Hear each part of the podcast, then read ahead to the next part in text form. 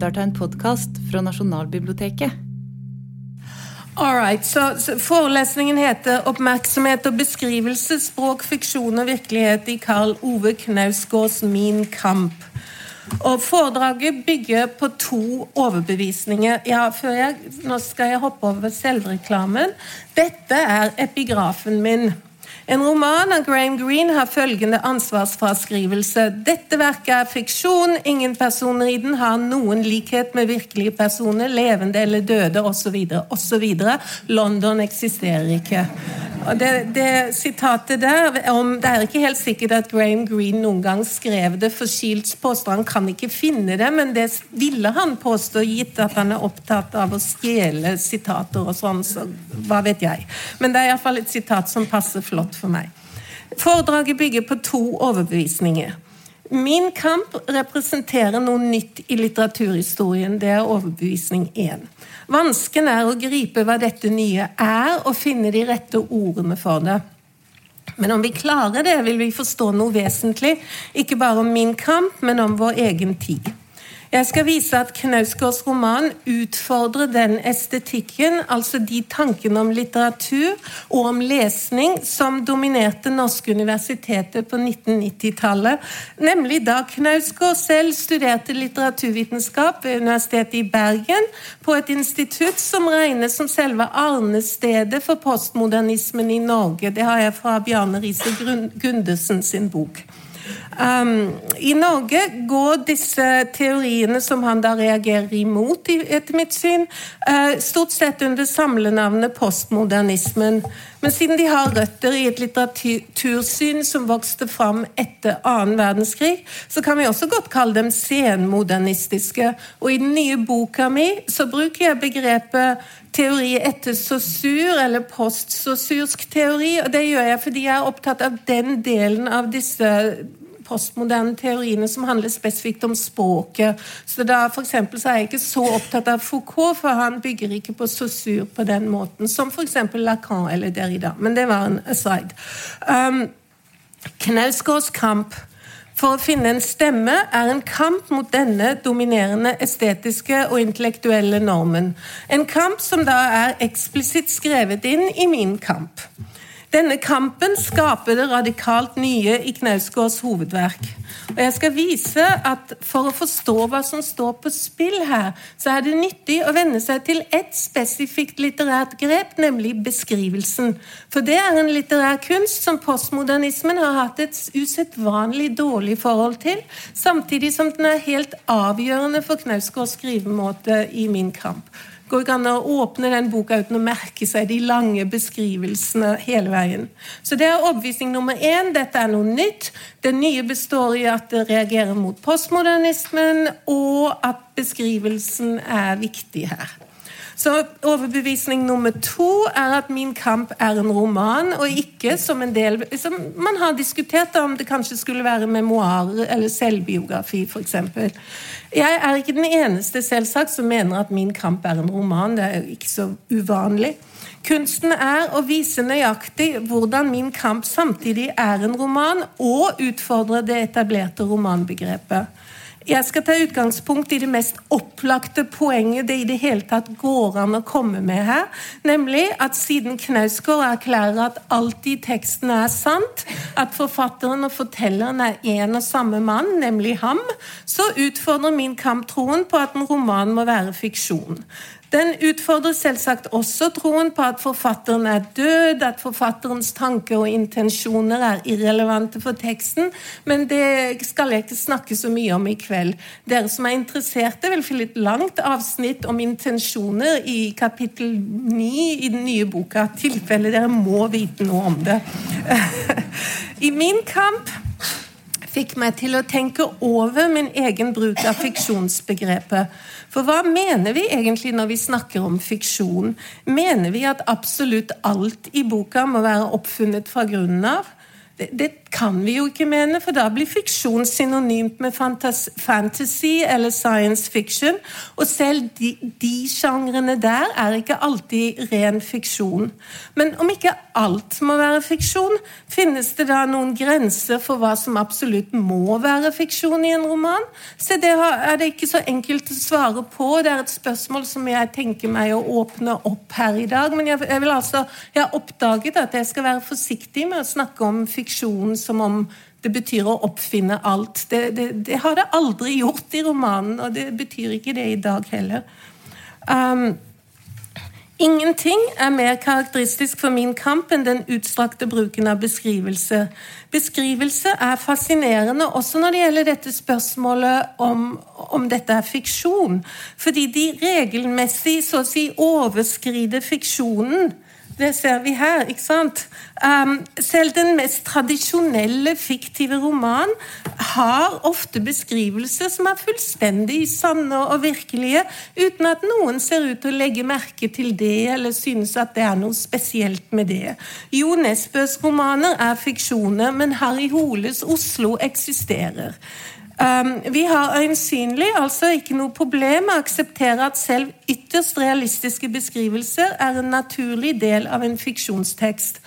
Og I kveld skal jeg se litt nærmere på grunnene til at vi ikke krever fiktive beskrivelser i en roman. Men så nå har vi altså, Det var de to um, hva Ho, jeg si, Det er overbevisningene som jeg nå skal utforske litt videre. Så Første del, og dette kan dere også følge på handoutet, er hvordan min kamp utfordrer postmodernismen. Og Her skal jeg bare legge fram elleve punkter som jeg skal gjøre veldig kort. Jeg skal ikke snakke i detalj om hvert om det, men dette er elleve punkter som jeg mener um, Knausgård um, på hvilke jeg mener Knausgård virkelig gjør det vanskelig for en overbevist poststrukturalistisk slash postmodernistisk leser. Um, så for å begynne på det, da. Altså, jeg er overbevist om at min kamp er noe nytt i litteraturhistorien. Når jeg sier at verket er noe nytt, så mener jeg ikke at det er helt enestående, som om ingen andre verk inneholdt noe lignende. Knausgård har åpenbare litterære forløpere i norsk litteratur, forfattere som Hamsun og særlig Mykle, syns jeg. Og um, Selvbiografisk romanskriving begynte selvsagt ikke med Knausgård, der har vi også Hamsun og Mykle, selvsagt, men i den senere tid den nylig avdøde franske forfatteren Serge Dubrovski innførte begrepet autofiction i fransk litteratur alt på 1970-tallet. Og en av mine favorittforfattere, absolutt favorittforfattere, den franske Annie Ernaux, har skrevet litterært om seg selv i alle år. En kunne nevne dusinvis av eksempler. Litteraturforskere vet altså utmerket godt at hver gang en forsøker å si at noe nytt inntrer i litteraturhistorien, så er det alltid mulig å finne eksempler på det samme i tidligere tider. I vestlig kultur så havner vi alltid tilbake til de gamle grekere eller Bibelen. Det er bare helt uunngåelig. Det er dette vi kaller periodiseringens problem. Men det, det, men det, at det finnes et problem der, betyr ikke at vi dermed kan la være å snakke om perioder eller forsøke å, å si noe om nye tendenser i litteraturen. Uten merkesteiner blir litteraturhistorien til en uoversiktlig jungel. Og uansett hvor vanskelig det er å snakke om perioder eller sjangre, uansett hvor mange unntak det finnes, så må vi forsøke å skape noen gode begreper for dette, for de formidler genuin innsikt.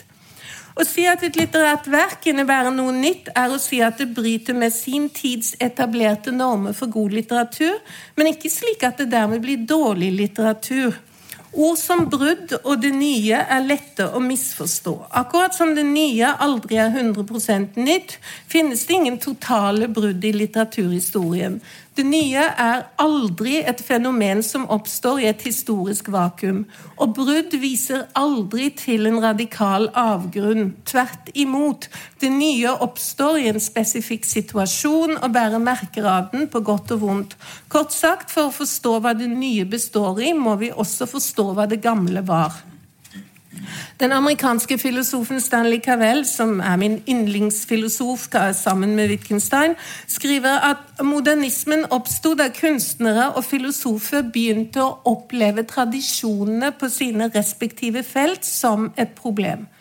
I den modernistiske situasjonen, skriver han, må kunstnere og filosofer løse et nytt problem, som et problem de ikke hadde før, nemlig hvordan de skal klare å opprettholde opprettholde troen på sitt eget prosjekt, for fortiden og nåtiden blir problematiske sammen, skriver Cavell.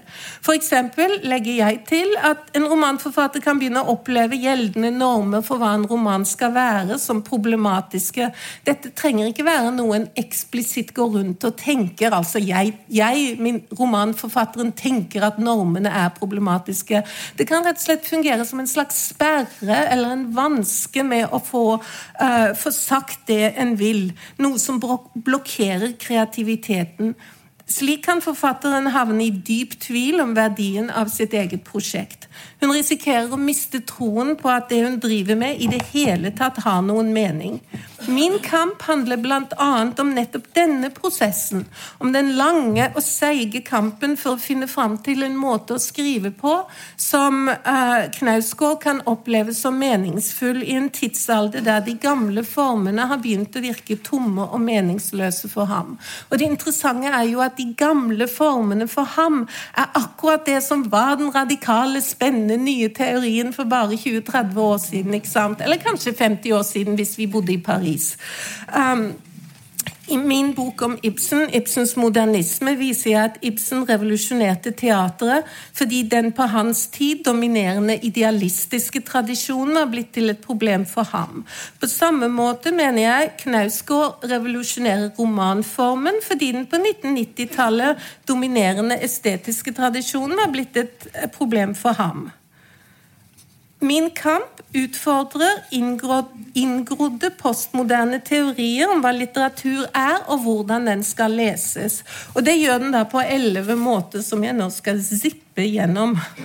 Um, I min kamp nummer én dere har kortformen på skjermen og på handoutet. I min kamp utfordrer den innarbeidede akademiske troen på at litteraturvitenskapens grunnleggende oppgave er briljant og intrikat oppvisning av litteraturviternes evne til avslørende nærlesing. Nykritikerne som likte nærlesing, de elsket de britiske metafysiske dikterne som skrev intense, fortetta symbol- eh, og metafortunge dikt rundt 16 1600. Dekonstruksjonistene elsket de romantiske poetene.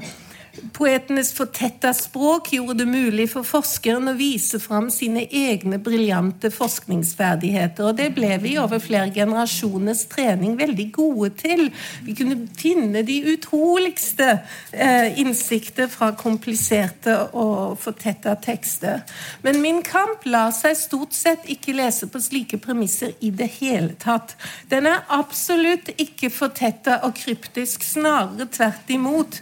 Og teksten Teksten sier det den mener, og den sier det rett ut. Det står det det står. Og det, og det det står, virker absolutt tilgjengelig for alle. Dette er også et tema som Knausgård diskuterer. Nesten alt jeg sier, er så å si versjoner av noe som dukker opp i, i min kamp her og der. Men, ah, så hvordan skal en tradisjonell litteraturvite forholde seg til det. Det kan virke som om du setter seg ned og leser Knausgård. Ja, alt du kan gjøre, er liksom å hva? Lage et resymé. For det finnes liksom ikke den motstanden i det språket som man, man venter seg.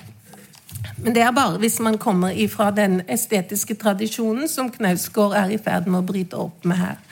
Knausgård er dypt opptatt av form, men forkaster formalismen, som fremdeles holder store deler av litteraturforskningen i sitt jerngrep. Dette med form er et langt kapittel, så jeg skal ikke si noe annet om det her enn at det jeg skal si om beskrivelse i dag, kan oppfattes som et forsøk på å lese form. altså Beskrivelsen er jo en litterær form, men på en ikke-formalistisk måte. Så da kan det virke som jeg ikke diskuterer form i det hele tatt. Det, det får dere jo finne ut av sjøl, da. Um, Knausgård er på jakt etter mening, erfaring og virkelighet. Mens postmodernismen nærmest foraktet eksistensialismen, er Knausgård rett og slett en eksistensiell forfatter. Derfor, nå kommer vi til nummer fire, er Knausgård opptatt av autentisitet og inderlighet, ikke ironi, performativitet og spill. Og slett ikke av de postmoderne yndlingene um, pastisj og, og, ja, performativitet. Det sa jeg visst alt. Så min kamp handler ikke om subjektet som konstruksjon, illusjon eller rolle, men om bevisstheten og erfaringen. Knausgård, det er nummer fem, insisterer på følelsenes makt uten å la seg forføre av nye affektteorier. Knausgård beskriver et menneske i følelsenes vold, som kjemper med sine følelser. Affektteoretikerne er derimot opptatt av å vise at affekter oppstår utenfor bevissthetens domene. Det blir et helt annet uh, teoretisk spill, så å si. Knausgård er også anti-allegorisk. Han tilfredsstiller absolutt ikke de romanteoretikerne som det finnes i hvert fall veldig mange av i det amerikanske akademia, som leter etter politiske allegorier i romanen. Romanen, De som mener at enhver viktig roman egentlig handler om nasjonen, staten, demokratiet, liberalismen, den globale kapitalen osv. De finner ingenting å hente i min kamp. Og nummer sju, da. Få romaner er så frustrerende som Min kamp for forskere på jakt etter symboler og overgripende metaforer. I en artikkel skriver Knausgård en passant hva er et symbol? En hendelse ribbet for virkelighet, et skall av mening, sier han. Min kamp vil også skuffe sofistikerte lesere som sverger til troen på at både litteraturen og litteraturforskningens eneste oppgave er å stille seg kritisk til verket, til verden eller til verket. Altså Poenget er mistenksomhetens hermeneutikk. Um, så å si finner finner ikke noe motsvar i Knausgård. Denne romanen kultiverer slett ikke kritisk distanse, verken i forfatter eller leser. Tvert imot, den forsøker å dra leseren inn og få henne til å se verden slik hovedpersonen ser den. Mitt poeng er at det, gjør jo mange tekster, men i gamle dager så ble vi trent opp til at vi måtte lese mot det. Vi måtte grave fram den underliggende subteksten og virkelig klare å bli kritiske her. Mitt poeng er at du kan godt prøve å gjøre det med Knausgård, men da vil du ikke komme noen altså Du vil skape en utrolig uinteressant lesning. Det er det jeg sier om disse poengene. Jeg sier ikke at du ikke kan gjøre dette, jeg sier bare at resultatet kommer ikke til å bli så interessant som det kunne ha blitt om det hadde vært modernisme, f.eks. Um, min kamp nummer ni oppfordrer til oppslukthet. Her handler det ikke om å forlange at leseren stadig vekk må huske at hun er en leser i forhold til en tekst. Det var jo den høymodernistiske lesemåten. Vi må huske på at vi leser, og teksten minner meg på det hele veien. Det gjør ikke Knausgård. Her må vi la oss rive med. Denne holdningen om å lese for å bli oppslukt og meddreven har hatt liten status i akademia, ikke minst fordi den virker så lite profesjonell. Og jeg mener, Hvorfor skal en studere litteratur i mange år for å bli oppslukt? Det klarte vi jo alt som barn. Til oppslukthet hører også identifikasjonen, som har hatt kjempedårlig presse veldig lenge da, i akademisk litteraturteori. Leseren inviteres til å følge forfatteren på hans eventyr, som Simone de Beauvoir en gang uttrykte det. Vi skal identifisere oss med fortelleren, kjenne oss igjen i hans verden. Når det gjelder hva identifikasjon er, så kunne jeg nå skrive masse om det, men det, det skal jeg ikke gjøre. Jeg skal bare merke her at uh, vi, vi, har jo alle lært opp våre studenter til at det verste de kan gjøre, er å identifisere seg med personer. De må ha den kritiske avstanden osv. Og, så må de iallfall ikke tro at eh, De må iallfall ikke behandle personer i teksten som om de var virkelige personer. Det er jo sånn tabu nummer én eller to i litteraturvitenskapen. Men alt dette undermineres veldig greit av min kamp. Og så siste poeng, da, nummer elleve. Knausgårds store anliggende i min kamp er å få leseren til å forstå hvordan det er med ham. Forstå Karl Ove Knausgård. På hver side er det som om han inviterer leseren både til å se hva han ser, og til å se ham.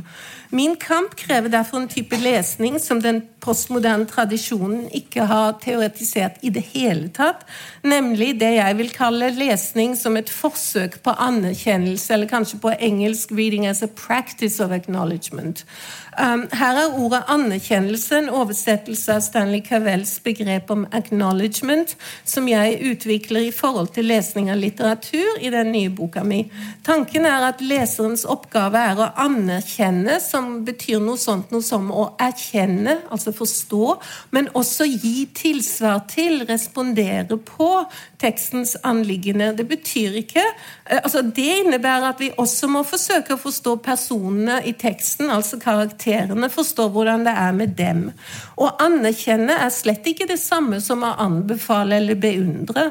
Bare om jeg ser den andre klart, kan jeg vurdere hennes handlinger og væremåte på rettferdig vis. Det følger ikke at jeg dermed skal godta alt jeg ser, f.eks., men um, jeg må forsøke å se hva, hvordan det er med han eller hun. Så nå kommer jeg da til um, del to.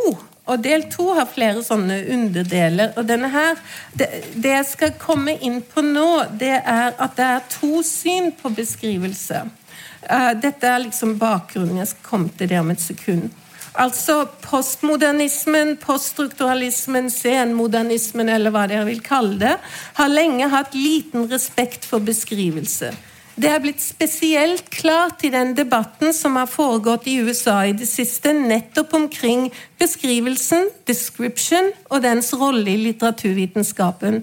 Denne debatten kom i kjølvannet på en skjellsettende artikkel av Stephen Best og Sharon Marcus fra 2009 som het 'Surface Reading' overflatelesning. Der erklærte de at de var leie av mistankens hermeneutikk, nemlig troen på at leseren er som en detektiv eller en psykoanalytiker som avdekker uh, tekstens skjulte dyp, og foreslo at vi skulle faktisk fokusere litt på hva teksten faktisk sier isteden.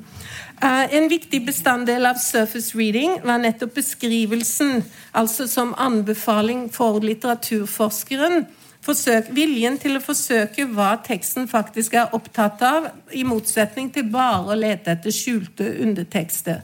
Dette skapte selvsagt brudulje. Mange litteraturteoretikere skrev kvasse kritikker. Ellen Rooney eksempel hevdet at i litteraturvitenskapen er beskrivelse bare det samme som parafrase. Og om det er noe vi ikke skal drive med, så er det i hvert fall parafrase, eh, hevdet hun. En kritiker som beskriver en tekst, bare gjentar det åpenbare, hvilket absolutt ikke er noen kunst. Dessuten er det rett og slett naivt, hevder hun, å tro at den kan beskrive noe som helst, som om beskriver beskriveren var ideologisk nøytral. En beskrivelse eksisterer egentlig ikke, fordi en beskrivelse er alltid en tolkning, hevder hun. Rett og slett fordi den som beskriver, bare ser virkeligheten fra sitt eget subjektive og dermed nødvendigvis ikke-nøytrale standpunkt. Og dette er jo en velkjent uh, måte å se tingene på. Et veletablert syn. Så nå skal jeg forsøke å legge fram altså, hvorfor implikasjonene av dette synet litt klarere. Grunnen til at jeg gjør det, er jo rett og slett at det er det synet jeg føler at Knausgårds beskrivelser utfordrer. Han, hvis han virkelig var enig i dette synet, så ville han ikke drive og beskrive så mye som han gjør, for da ville du få, det ville få deg til å føle deg noe sånn usikker, tror jeg. Men i alle fall, for postmoderne Postmoderne teori er beskrivelse først og fremst språk, og språk er representasjon, referanse eller framstilling. Det som beskrives, er virkeligheten. Dette synet framstiller virkeligheten og språket som to atskilte systemer. Men dermed så får jo teoretikerne et stort problem, for nå må de forsøke å forklare hva det er som forbinder språket med virkeligheten. De tenker oss språket her, virkeligheten der, og hva er det som får språket til i det hele tatt å ha noe med virkeligheten å gjøre.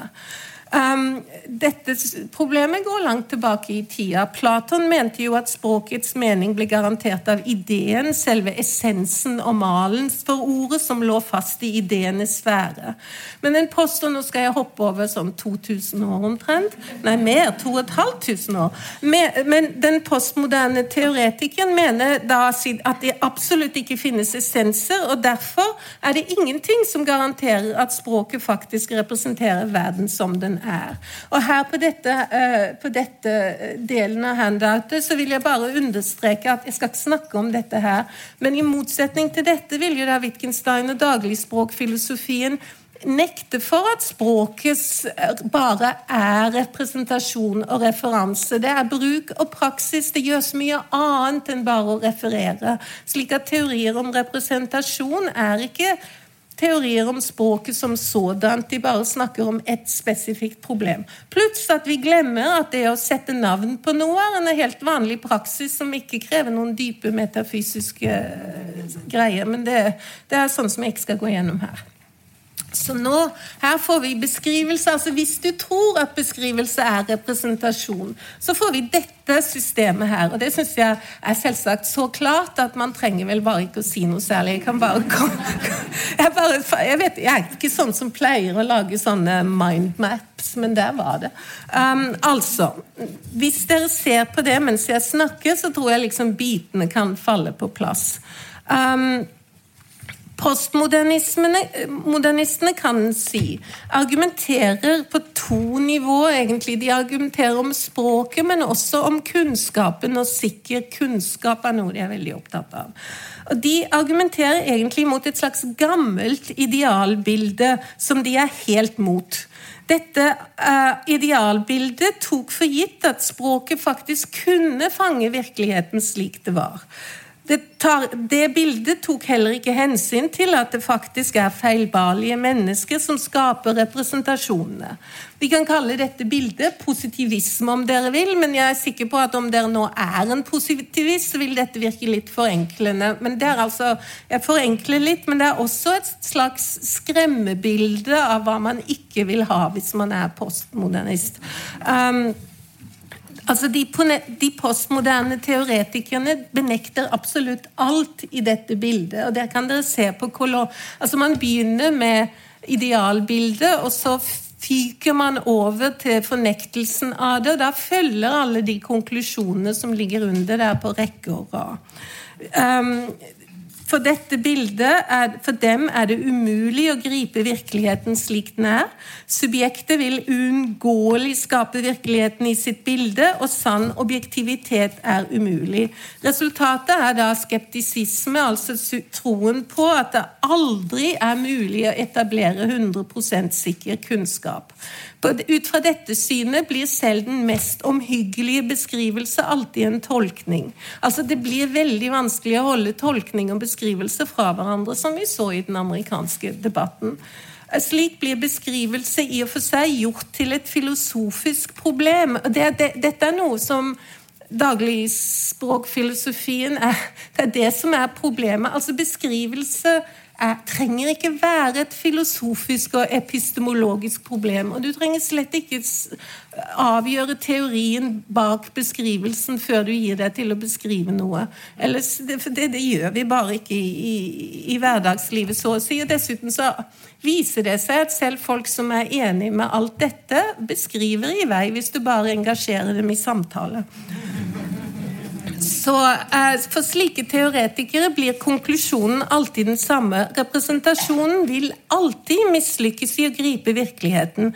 Vi er fanget i språkets og subjektivitetens fengsel, og virkeligheten som den egentlig er, vil alltid unnslippe oss. Og nå, hvis dere ser nederst der på, på denne siden 'Virkelighet og språket lyver alltid', så er, det så er, det referanse til et spesifikt eksempel som jeg vendte meg mot.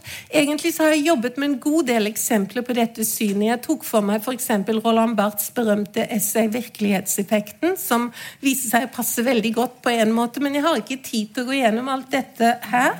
Så jeg tenkte at jeg skulle fokusere på David Shields, som skriver skriver boken 'Reality Hunger' fra 2010. Um, og han har ofte blitt nevnt i sammenheng med, med Knausgård. Um, denne teksten nevnes ofte sammen med Knausgård fordi Shields også lengter, hungrer etter virkeligheten. Men det er ikke vanskelig å vise at Shields bygger på postmodernismen på en måte Knausgård rett og slett ikke gjør. Shields er fascinert av tanken på at subjektiviteten gjør objektiv kunnskap umulig. Når han diskuterer ordet fiksjon, legger han vekt på ordets etymologi og understreker at på latin betyr ordet å forme, skape, danne. Han insisterer på at og jeg siterer, enhver språklig fremstilling er en forming eller en danning av en hendelse.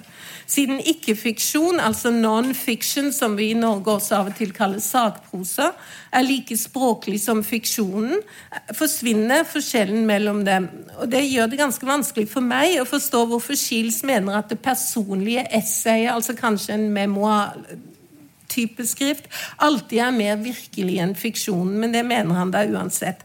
Men så, så sier han videre alle som skriver om seg selv, lyver, skriver han. Som så mange andre postmodernister strekker Shields ordet løgn så langt at det begynner å bety hva som helst som er uttrykt i språket. Men slike argumenter viser seg å ha veldig liten hva skal man si da, kraft til å komme ut i virkeligheten, i den forstand at de endrer ikke vårt forhold til ord som sannhet og løgn i hverdagslivet. Om en god venn lyver for meg, blir jeg fremdeles både sint og lei meg, selv om jeg vet at det er helt umulig å la være å lyve osv. Når politikere kaller løgner for alternative fakta, blir jeg fremdeles opprørt. Måten vi bruker ordene på, de livsformene de inngår i, viser at vi slett ikke tror at alle som skriver om seg selv, er en løgner. Så for meg så er ikke dette en klargjørende bruk av ordet løgn. Og dessuten er løgn og fiksjon slett ikke alltid synonymer. En teori som ikke klarer å forholde seg til den praksisen, den bruken vi, ordene faktisk opptrer i, er for meg grunnleggende utilstrekkelig. Dette er jo en av de dypeste problemene fra mitt synspunkt. Problemene med denne typen teori at er at det blir en teori som vi blir opp vi blir fortalt at vi må forstå denne teorien, og da vil vi gjennomskue de tingene vi har stolt på i, i hverdagslivet. Men når vi da går tilbake til hverdagslivet, så har ikke tingene forandret seg noe. Så da ligger denne teorien som en slags Hva skal vi kalle det? da, Som en slags uh, underliggende stein eller byrde som vi skal liksom måtte huske på, men som gjør så liten forskjell så ofte. Shields mener også at vi bare har adgang til virkeligheten gjennom erindringen.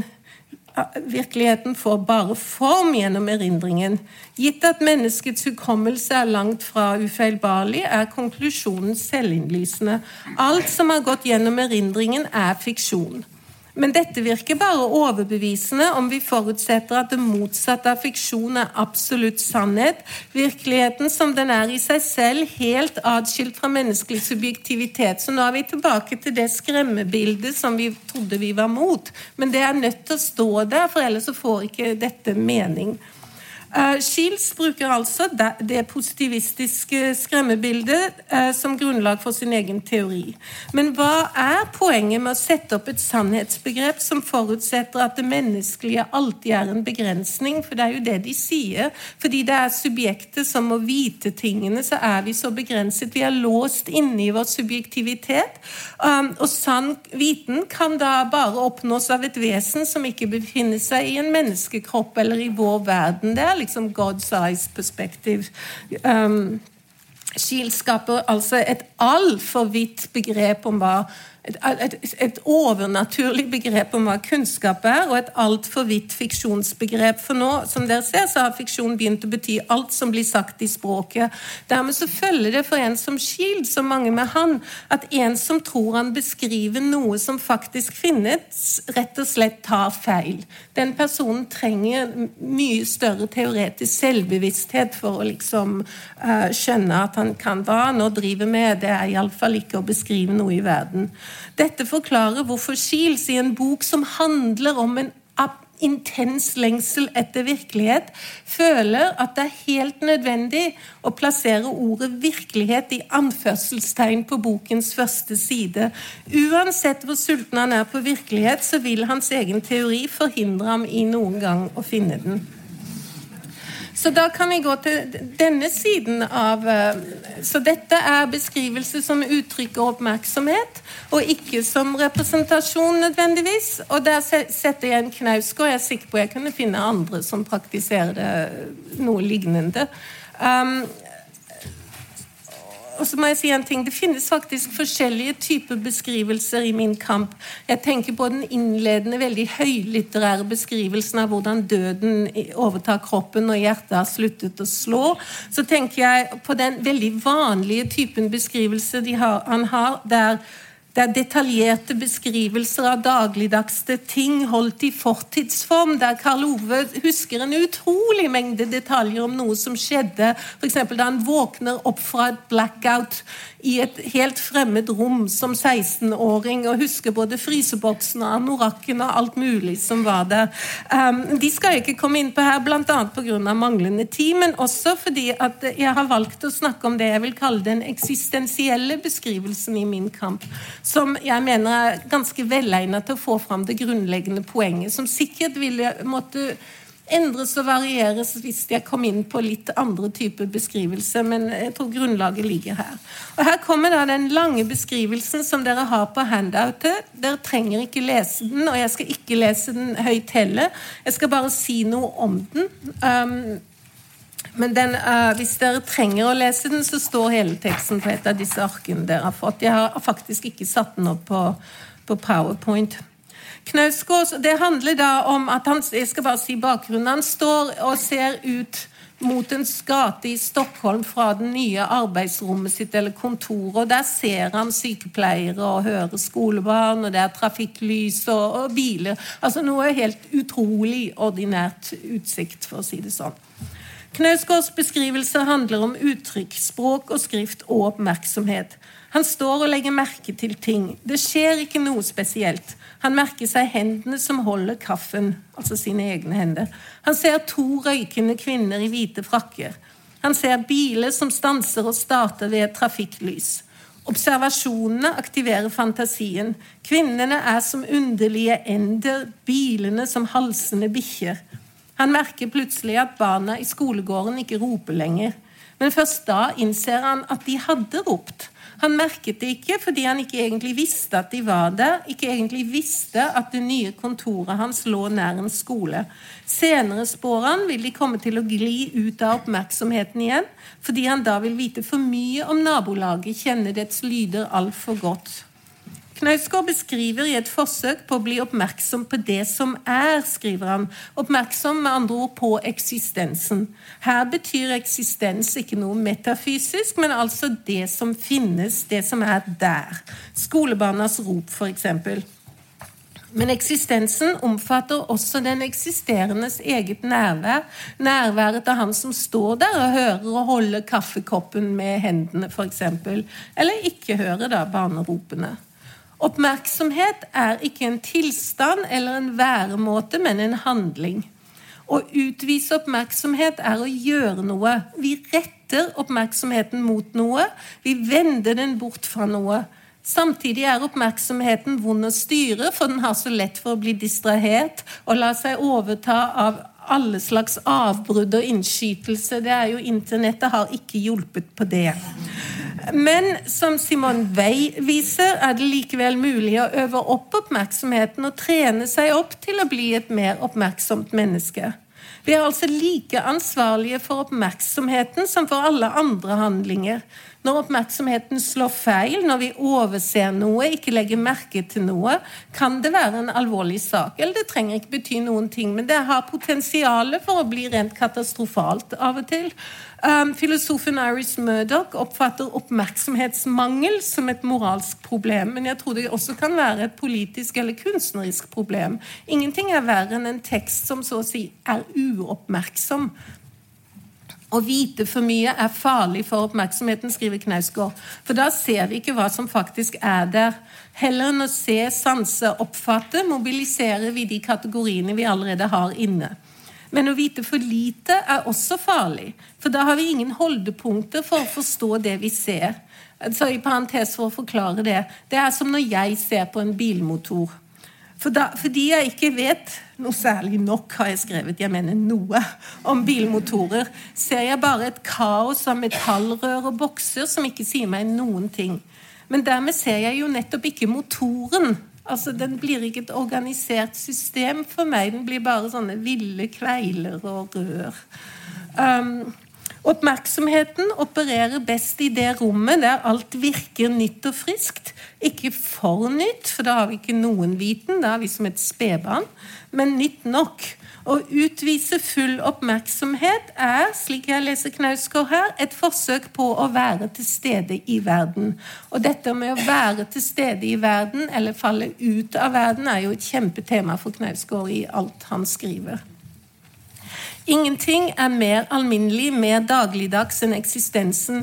Den enkle, banale, men grunnleggende opplevelsen av å være der. Og ingenting er det lettere å overse og gå glipp av. Vi fyller bevisstheten med alt annet enn akkurat dette ene store, at vi er her, nå. Dette er min kamps prosjekt. Alle disse tusenvis av sidene oppstår fordi Karl Ove Knausgård er besatt av følelsen av at han så å si er i ferd med å gå glipp av eventyret. Misty Adventure, skriver den amerikanske filosofen Cora Diamond. Altså gå glipp av sitt livs eventyr. Det at du er her. At det er så å si plutselig så er det over, og du la ikke merke til det, er det som jeg oppfatter som en sånn underliggende grunn for å skrive min kamp i det hele tatt. Um, men alle disse sidene er der også fordi Knausgård innser utmerket godt at han og vi nødvendigvis kommer til å gå glipp av mye av eventyret. Jeg tror ingen av oss er kanskje hvis vi ble totalt zen-munker og ikke gjorde noe annet enn å være her og nå, så, så vil det være slik at vi ikke legger merke til mye av vår eksistens. Um, og da er vårt eneste håp å gjenskape eksistensen gjennom erindringen. Og Derfor har vi jo alle disse fortidsbeskrivelsene også i Knausgård. Nesten umerkelig går beskrivelsen her i dette avsnittet over i noen korte filosofiske betraktninger om Skriftens natur. Knausgård vil trekke eksistensen ut fra skyggene av det vi vet. Han vet at han ikke alltid vil få det til. Men merk forskjellen på å si, som så mange teoretikere vil gjøre, at språket legger seg mellom det som er der, og Skriften, og å si det Knausgård forsøker å få fram, nemlig at det er vekten av hans egen kunnskap, han har for mye eller for lite av den, som skaper problemet. Språket er ikke problemet her. Han er problemet. Vi er problemet når det gjelder oppmerksomhet.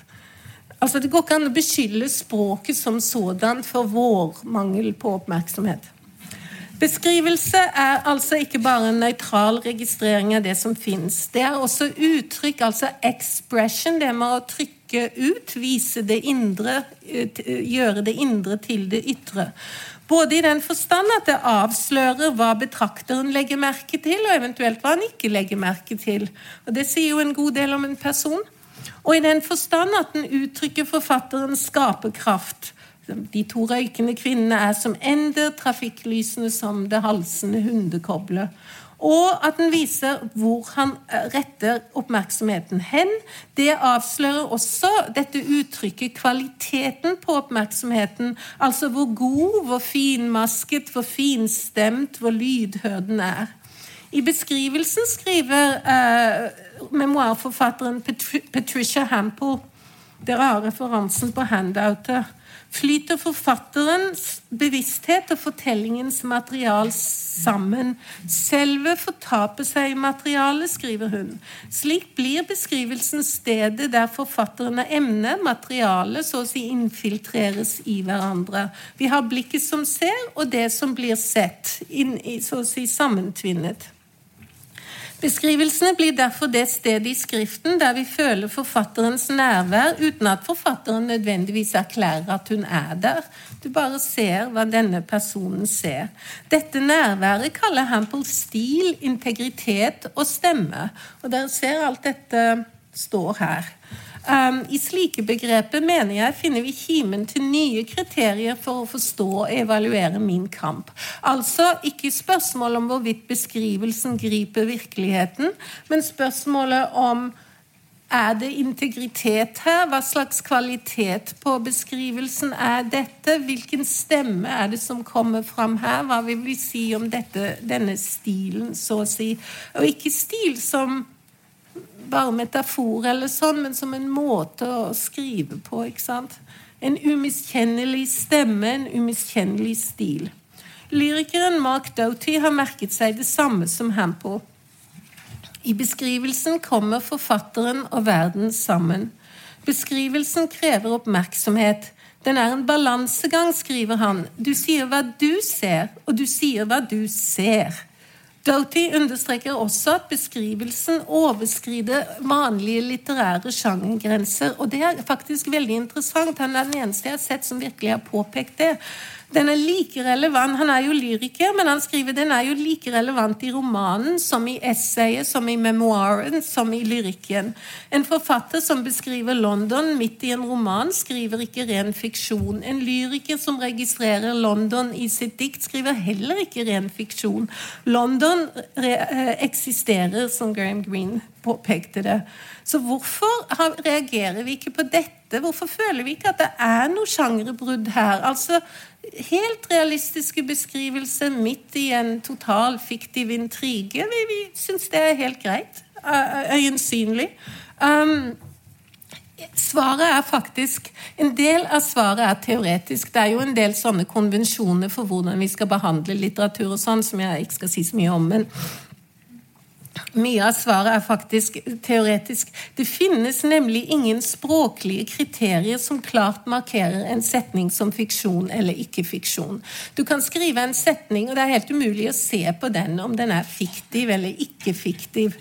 Um, vi kan vel bli enige om at Knausgårds beskrivelse av en gatescene i Stockholm er en beskrivelse av en gatescene i Stockholm. Men språket i beskrivelsen kan ikke fortelle oss noe som helst om hvorvidt den gaten og den spesifikke scenen faktisk eksisterte. Derfor så fungerer den akkurat like godt innen fiksjonen som innen den fullstendige, sanne framstilling. Men dette, dette, faktumet er faktisk en av hovedgrunnene, tror jeg, da, til at Knausgård er nødt til å bruke seg selv som forfatter og forteller i Min kamp. Altså, Han erklærer stadig at det er han som er skribenten her.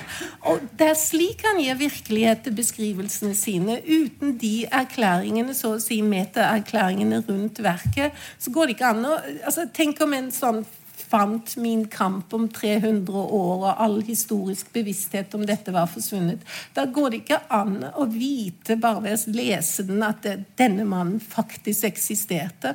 Um, om det er maktpåliggende for leseren å etablere eksistens eller virkelighet, så kan det altså ikke gjøres gjennom bare å lese teksten. Må ut, du må utforske problemet på andre måter enn ved å studere språket i beskrivelsen. Hvordan vi gjør det, vil avhenge av hva vi vil vite, og hvorfor vi i det hele tatt tar opp spørsmålet. Det finnes altså ikke ett forhold mellom språk og virkelighet. og Det er jo viktig da at vi tror kanskje at vi skal finne Det var det postmoderne bildet. Vi skal finne forholdet mellom språket og virkeligheten. Og jeg sier at det finnes ikke noe sånn som ett forhold der. Det finnes en haug med forskjellige problemer som avhenger av hva du er ute etter å finne ut. Um, i vår kultur er merkelappen roman vanligvis en invitasjon til å behandle en bok som fiksjon. Fiksjon blir da ikke en form for språkbruk, men en samfunnsmessig praksis, en spesiell måte å behandle tekster på. F.eks. aksepterer vi um, at journalistisk faktasjekking vanligvis ikke kan avgjøre et fiksjonsverks kvalitet. Når noen bryter med denne grunnleggende sånn det aspektet av slike grunnleggende sosiale praksiser kan det virke oppleves som sjokkerende. Og Da husker jeg eksempelet Jeg ble så slått av det at Aftenposten ga seg til å faktasjekke Vigdis Hjorts roman 'Arv og miljø'. For bevise, men for å bevise at boken ikke var en roman. For å klare dette da, så viste Aftenposten at det finnes objekter i boken som faktisk eksisterer. Men som dere, jeg håper dere har skjønt nå, så er alt jeg sier her, at det er å nettopp havne i den filosofiske fellen jeg har prøvd å, å forklare her i kveld. Fordi at det er ingen regel for fiksjonen at ingenting i den eh, kan finnes i virkeligheten. Det er ikke slik du klarer å, å, å etablere at noe er fiksjon eller ikke fiksjon. London eksisterer, og Harry Holes Oslo også. Så Hampo altså jeg, ble, jeg har omtrent bare ti minutter igjen. Jeg ble bedt om å snakke i en time, og det skal jeg gjøre. Men uh, Hampel og Doughty gjør ikke noe forsøk på å forklare hvorfor de ikke synes det er noe filosofisk problem her. Hvorfor er de så sikre på at subjektet som beskriver, virkelig ser verden? Hvordan vet de at hun ikke bare projiserer sin egen subjektivitet over på verden? Og hvorfor er de så overbeviste om at gode beskrivelser virkelig formidler virkeligheten slik den er? Det sier de ikke noe om. Men en kan bygge opp gode argumenter for deres syn ved å venne seg til dagligspråkfilosofien, og særlig da til Stanley Cavell, som skriver at filosofens, altså den type filosof som han er, det filosofens metode er følgende. Dagligspråkfilosofen sier, skriver Cavell, se selv og finn ut om du kan se hva jeg ser, om du ønsker å si hva jeg ønsker å si.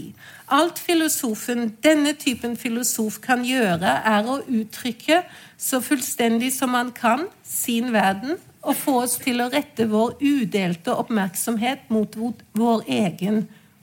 Dagligspråkfilosofen bygger sin filosofi på eksempler. Jeg kan godt kalle et eksempel en liten beskrivelse.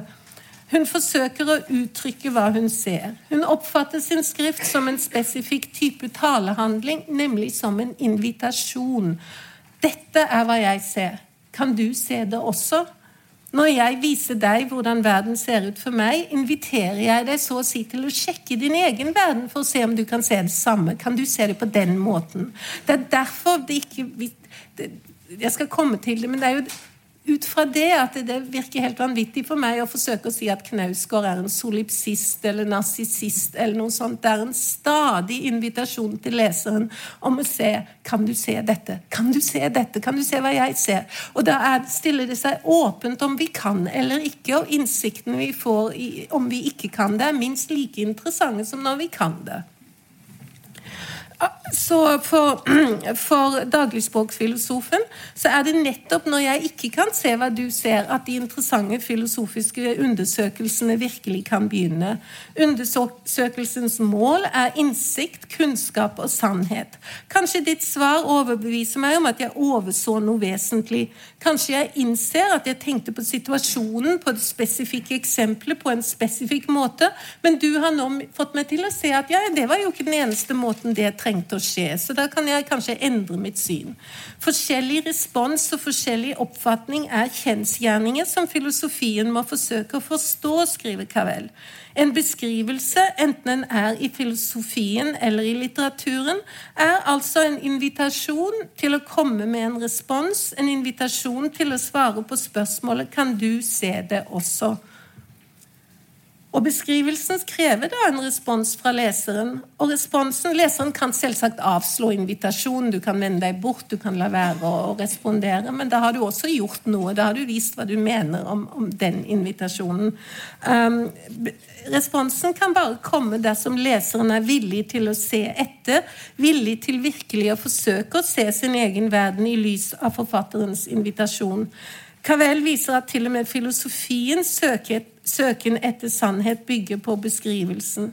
Både filosofen og forfatteren må være villig til å beskrive så fullstendig som mulig hva hun ser. Når hun gjør det, vil hun nødvendigvis også vise hvem hun er, avsløre særtrekkene ved sin egen kapasitet for oppmerksomhet, samtidig som hun faktisk sier noe om verden. Slik Havel, Hampel og Doughty forstår beskrivelsen, og slik Knausgård praktiserer den, er ikke beskrivelsen en ren projeksjon av forfatterens psyke, og heller ikke en serie tegn som flyter fritt i forhold til verden. Beskrivelsen formidler samtidig både subjektet og verden. Det er derfor den er eksepsjonelt interessant for en forfatter som Knausgård, som nettopp har en slik dyp lengsel etter å gripe eksistensen, til gripe det faktum at han er der, men at han er der. Så da skal jeg komme til avslutningen, og den heter 'Å skape en verden'. For nå har vi altså ett spørsmål igjen. Vi har tusen spørsmål igjen, men det er det ene jeg skal snakke om. Min kamp viser at en tekst kan virke enormt romanaktig uten å være fiksjon. Hvordan gjør den det? Og svaret er selvsagt, som dere helt sikkert vet nå, beskrivelsen. Dette litterære grepet er nemlig helt sentralt i noe som tradisjonelt har vært veldig vesentlig for romanen, men som postmodernismen i sin formalisme ikke har vært særlig opptatt av, nemlig evnen til å skape en verden som fanger leseren inn. En må tilbake til en tenker som den spanske filosofen José Ortega y Gasset for å finne eksempler på teoretikere, og Beauvoir gjør det samme, faktisk for å finne eksempler på teoretikere som mener, genuint mener at ett tegn på stor litteratur er verdensskaping og innlevelse. Vi har en tendens til å tro at ja, det er bare Game of Thrones eller noe sånt som skal ha den type kvaliteter. Men hvis vi leser Eh, også fotnote. Jeg tror at eh, innlevelse og verdensskapelse også gjelder for modernistiske romaner. Du kan bli like oppslukt av Kafka som du kan bli av Balzac, så jeg tror ikke dette er bare om realismen, men det vil jo bli et annet kapittel. Å lese en stor roman, skrev Ortega i 1925, er å la seg bli oppslukt av en annen verden. En god roman fanger leseren inn i sitt univers og får oss til å glemme vårt eget. For å klare dette mente Ortega trenger fiksjonen, for Ortega trodde at alle romaner måtte være fiktive. Det tror ikke jeg, men likevel så er det han sier om beskrivelsen, veldig interessant. For han sier at det er beskrivelsen som skaper den oppslukende verdenen i romanen. Han skriver leseren må fanges i et nettverk av utallig omhyggelig fortalte omstendigheter. Hva er vårt liv? Skriver filosofen, om ikke en enorm opphoping av banale detaljer. Og Da tenker jeg at han har liksom forutsett Knausgård. Um, bare den rette Han skriver faktisk i respons til Prost, bl.a., så det er noe interessant der. Bare den rette mengden av dagligdagse detaljer kan skape det miraklet som er at vi glemmer vår verden for å leve oss inn i romanens verden, mener Ortega. Ortega mener, også, mener altså at bare virkelige, realistiske, dagligdagse detaljer kan skape et fiktivt univers. Det burde da være et paradoks, men det er ikke det. For jeg har forklart at beskrivelsen jo kan fungere i både fiktivt og ikke-fiktivt. Um, det er derfor den høyst fiktive Harry Hole kan opptre i ytterst virkelige gater i Oslo. Men det er også derfor at den høyst virkelige Karl Ove Knausgård kan opptre i ytterst virkelige gater i Stockholm. Karl Ove Knausgårds bok er like verdensskapende som alle andre store romaner. Når jeg lukker Min kamp, føler jeg det samme som Ortega i Gasset da han la fra seg Standals kartusianerklosteret i Parma.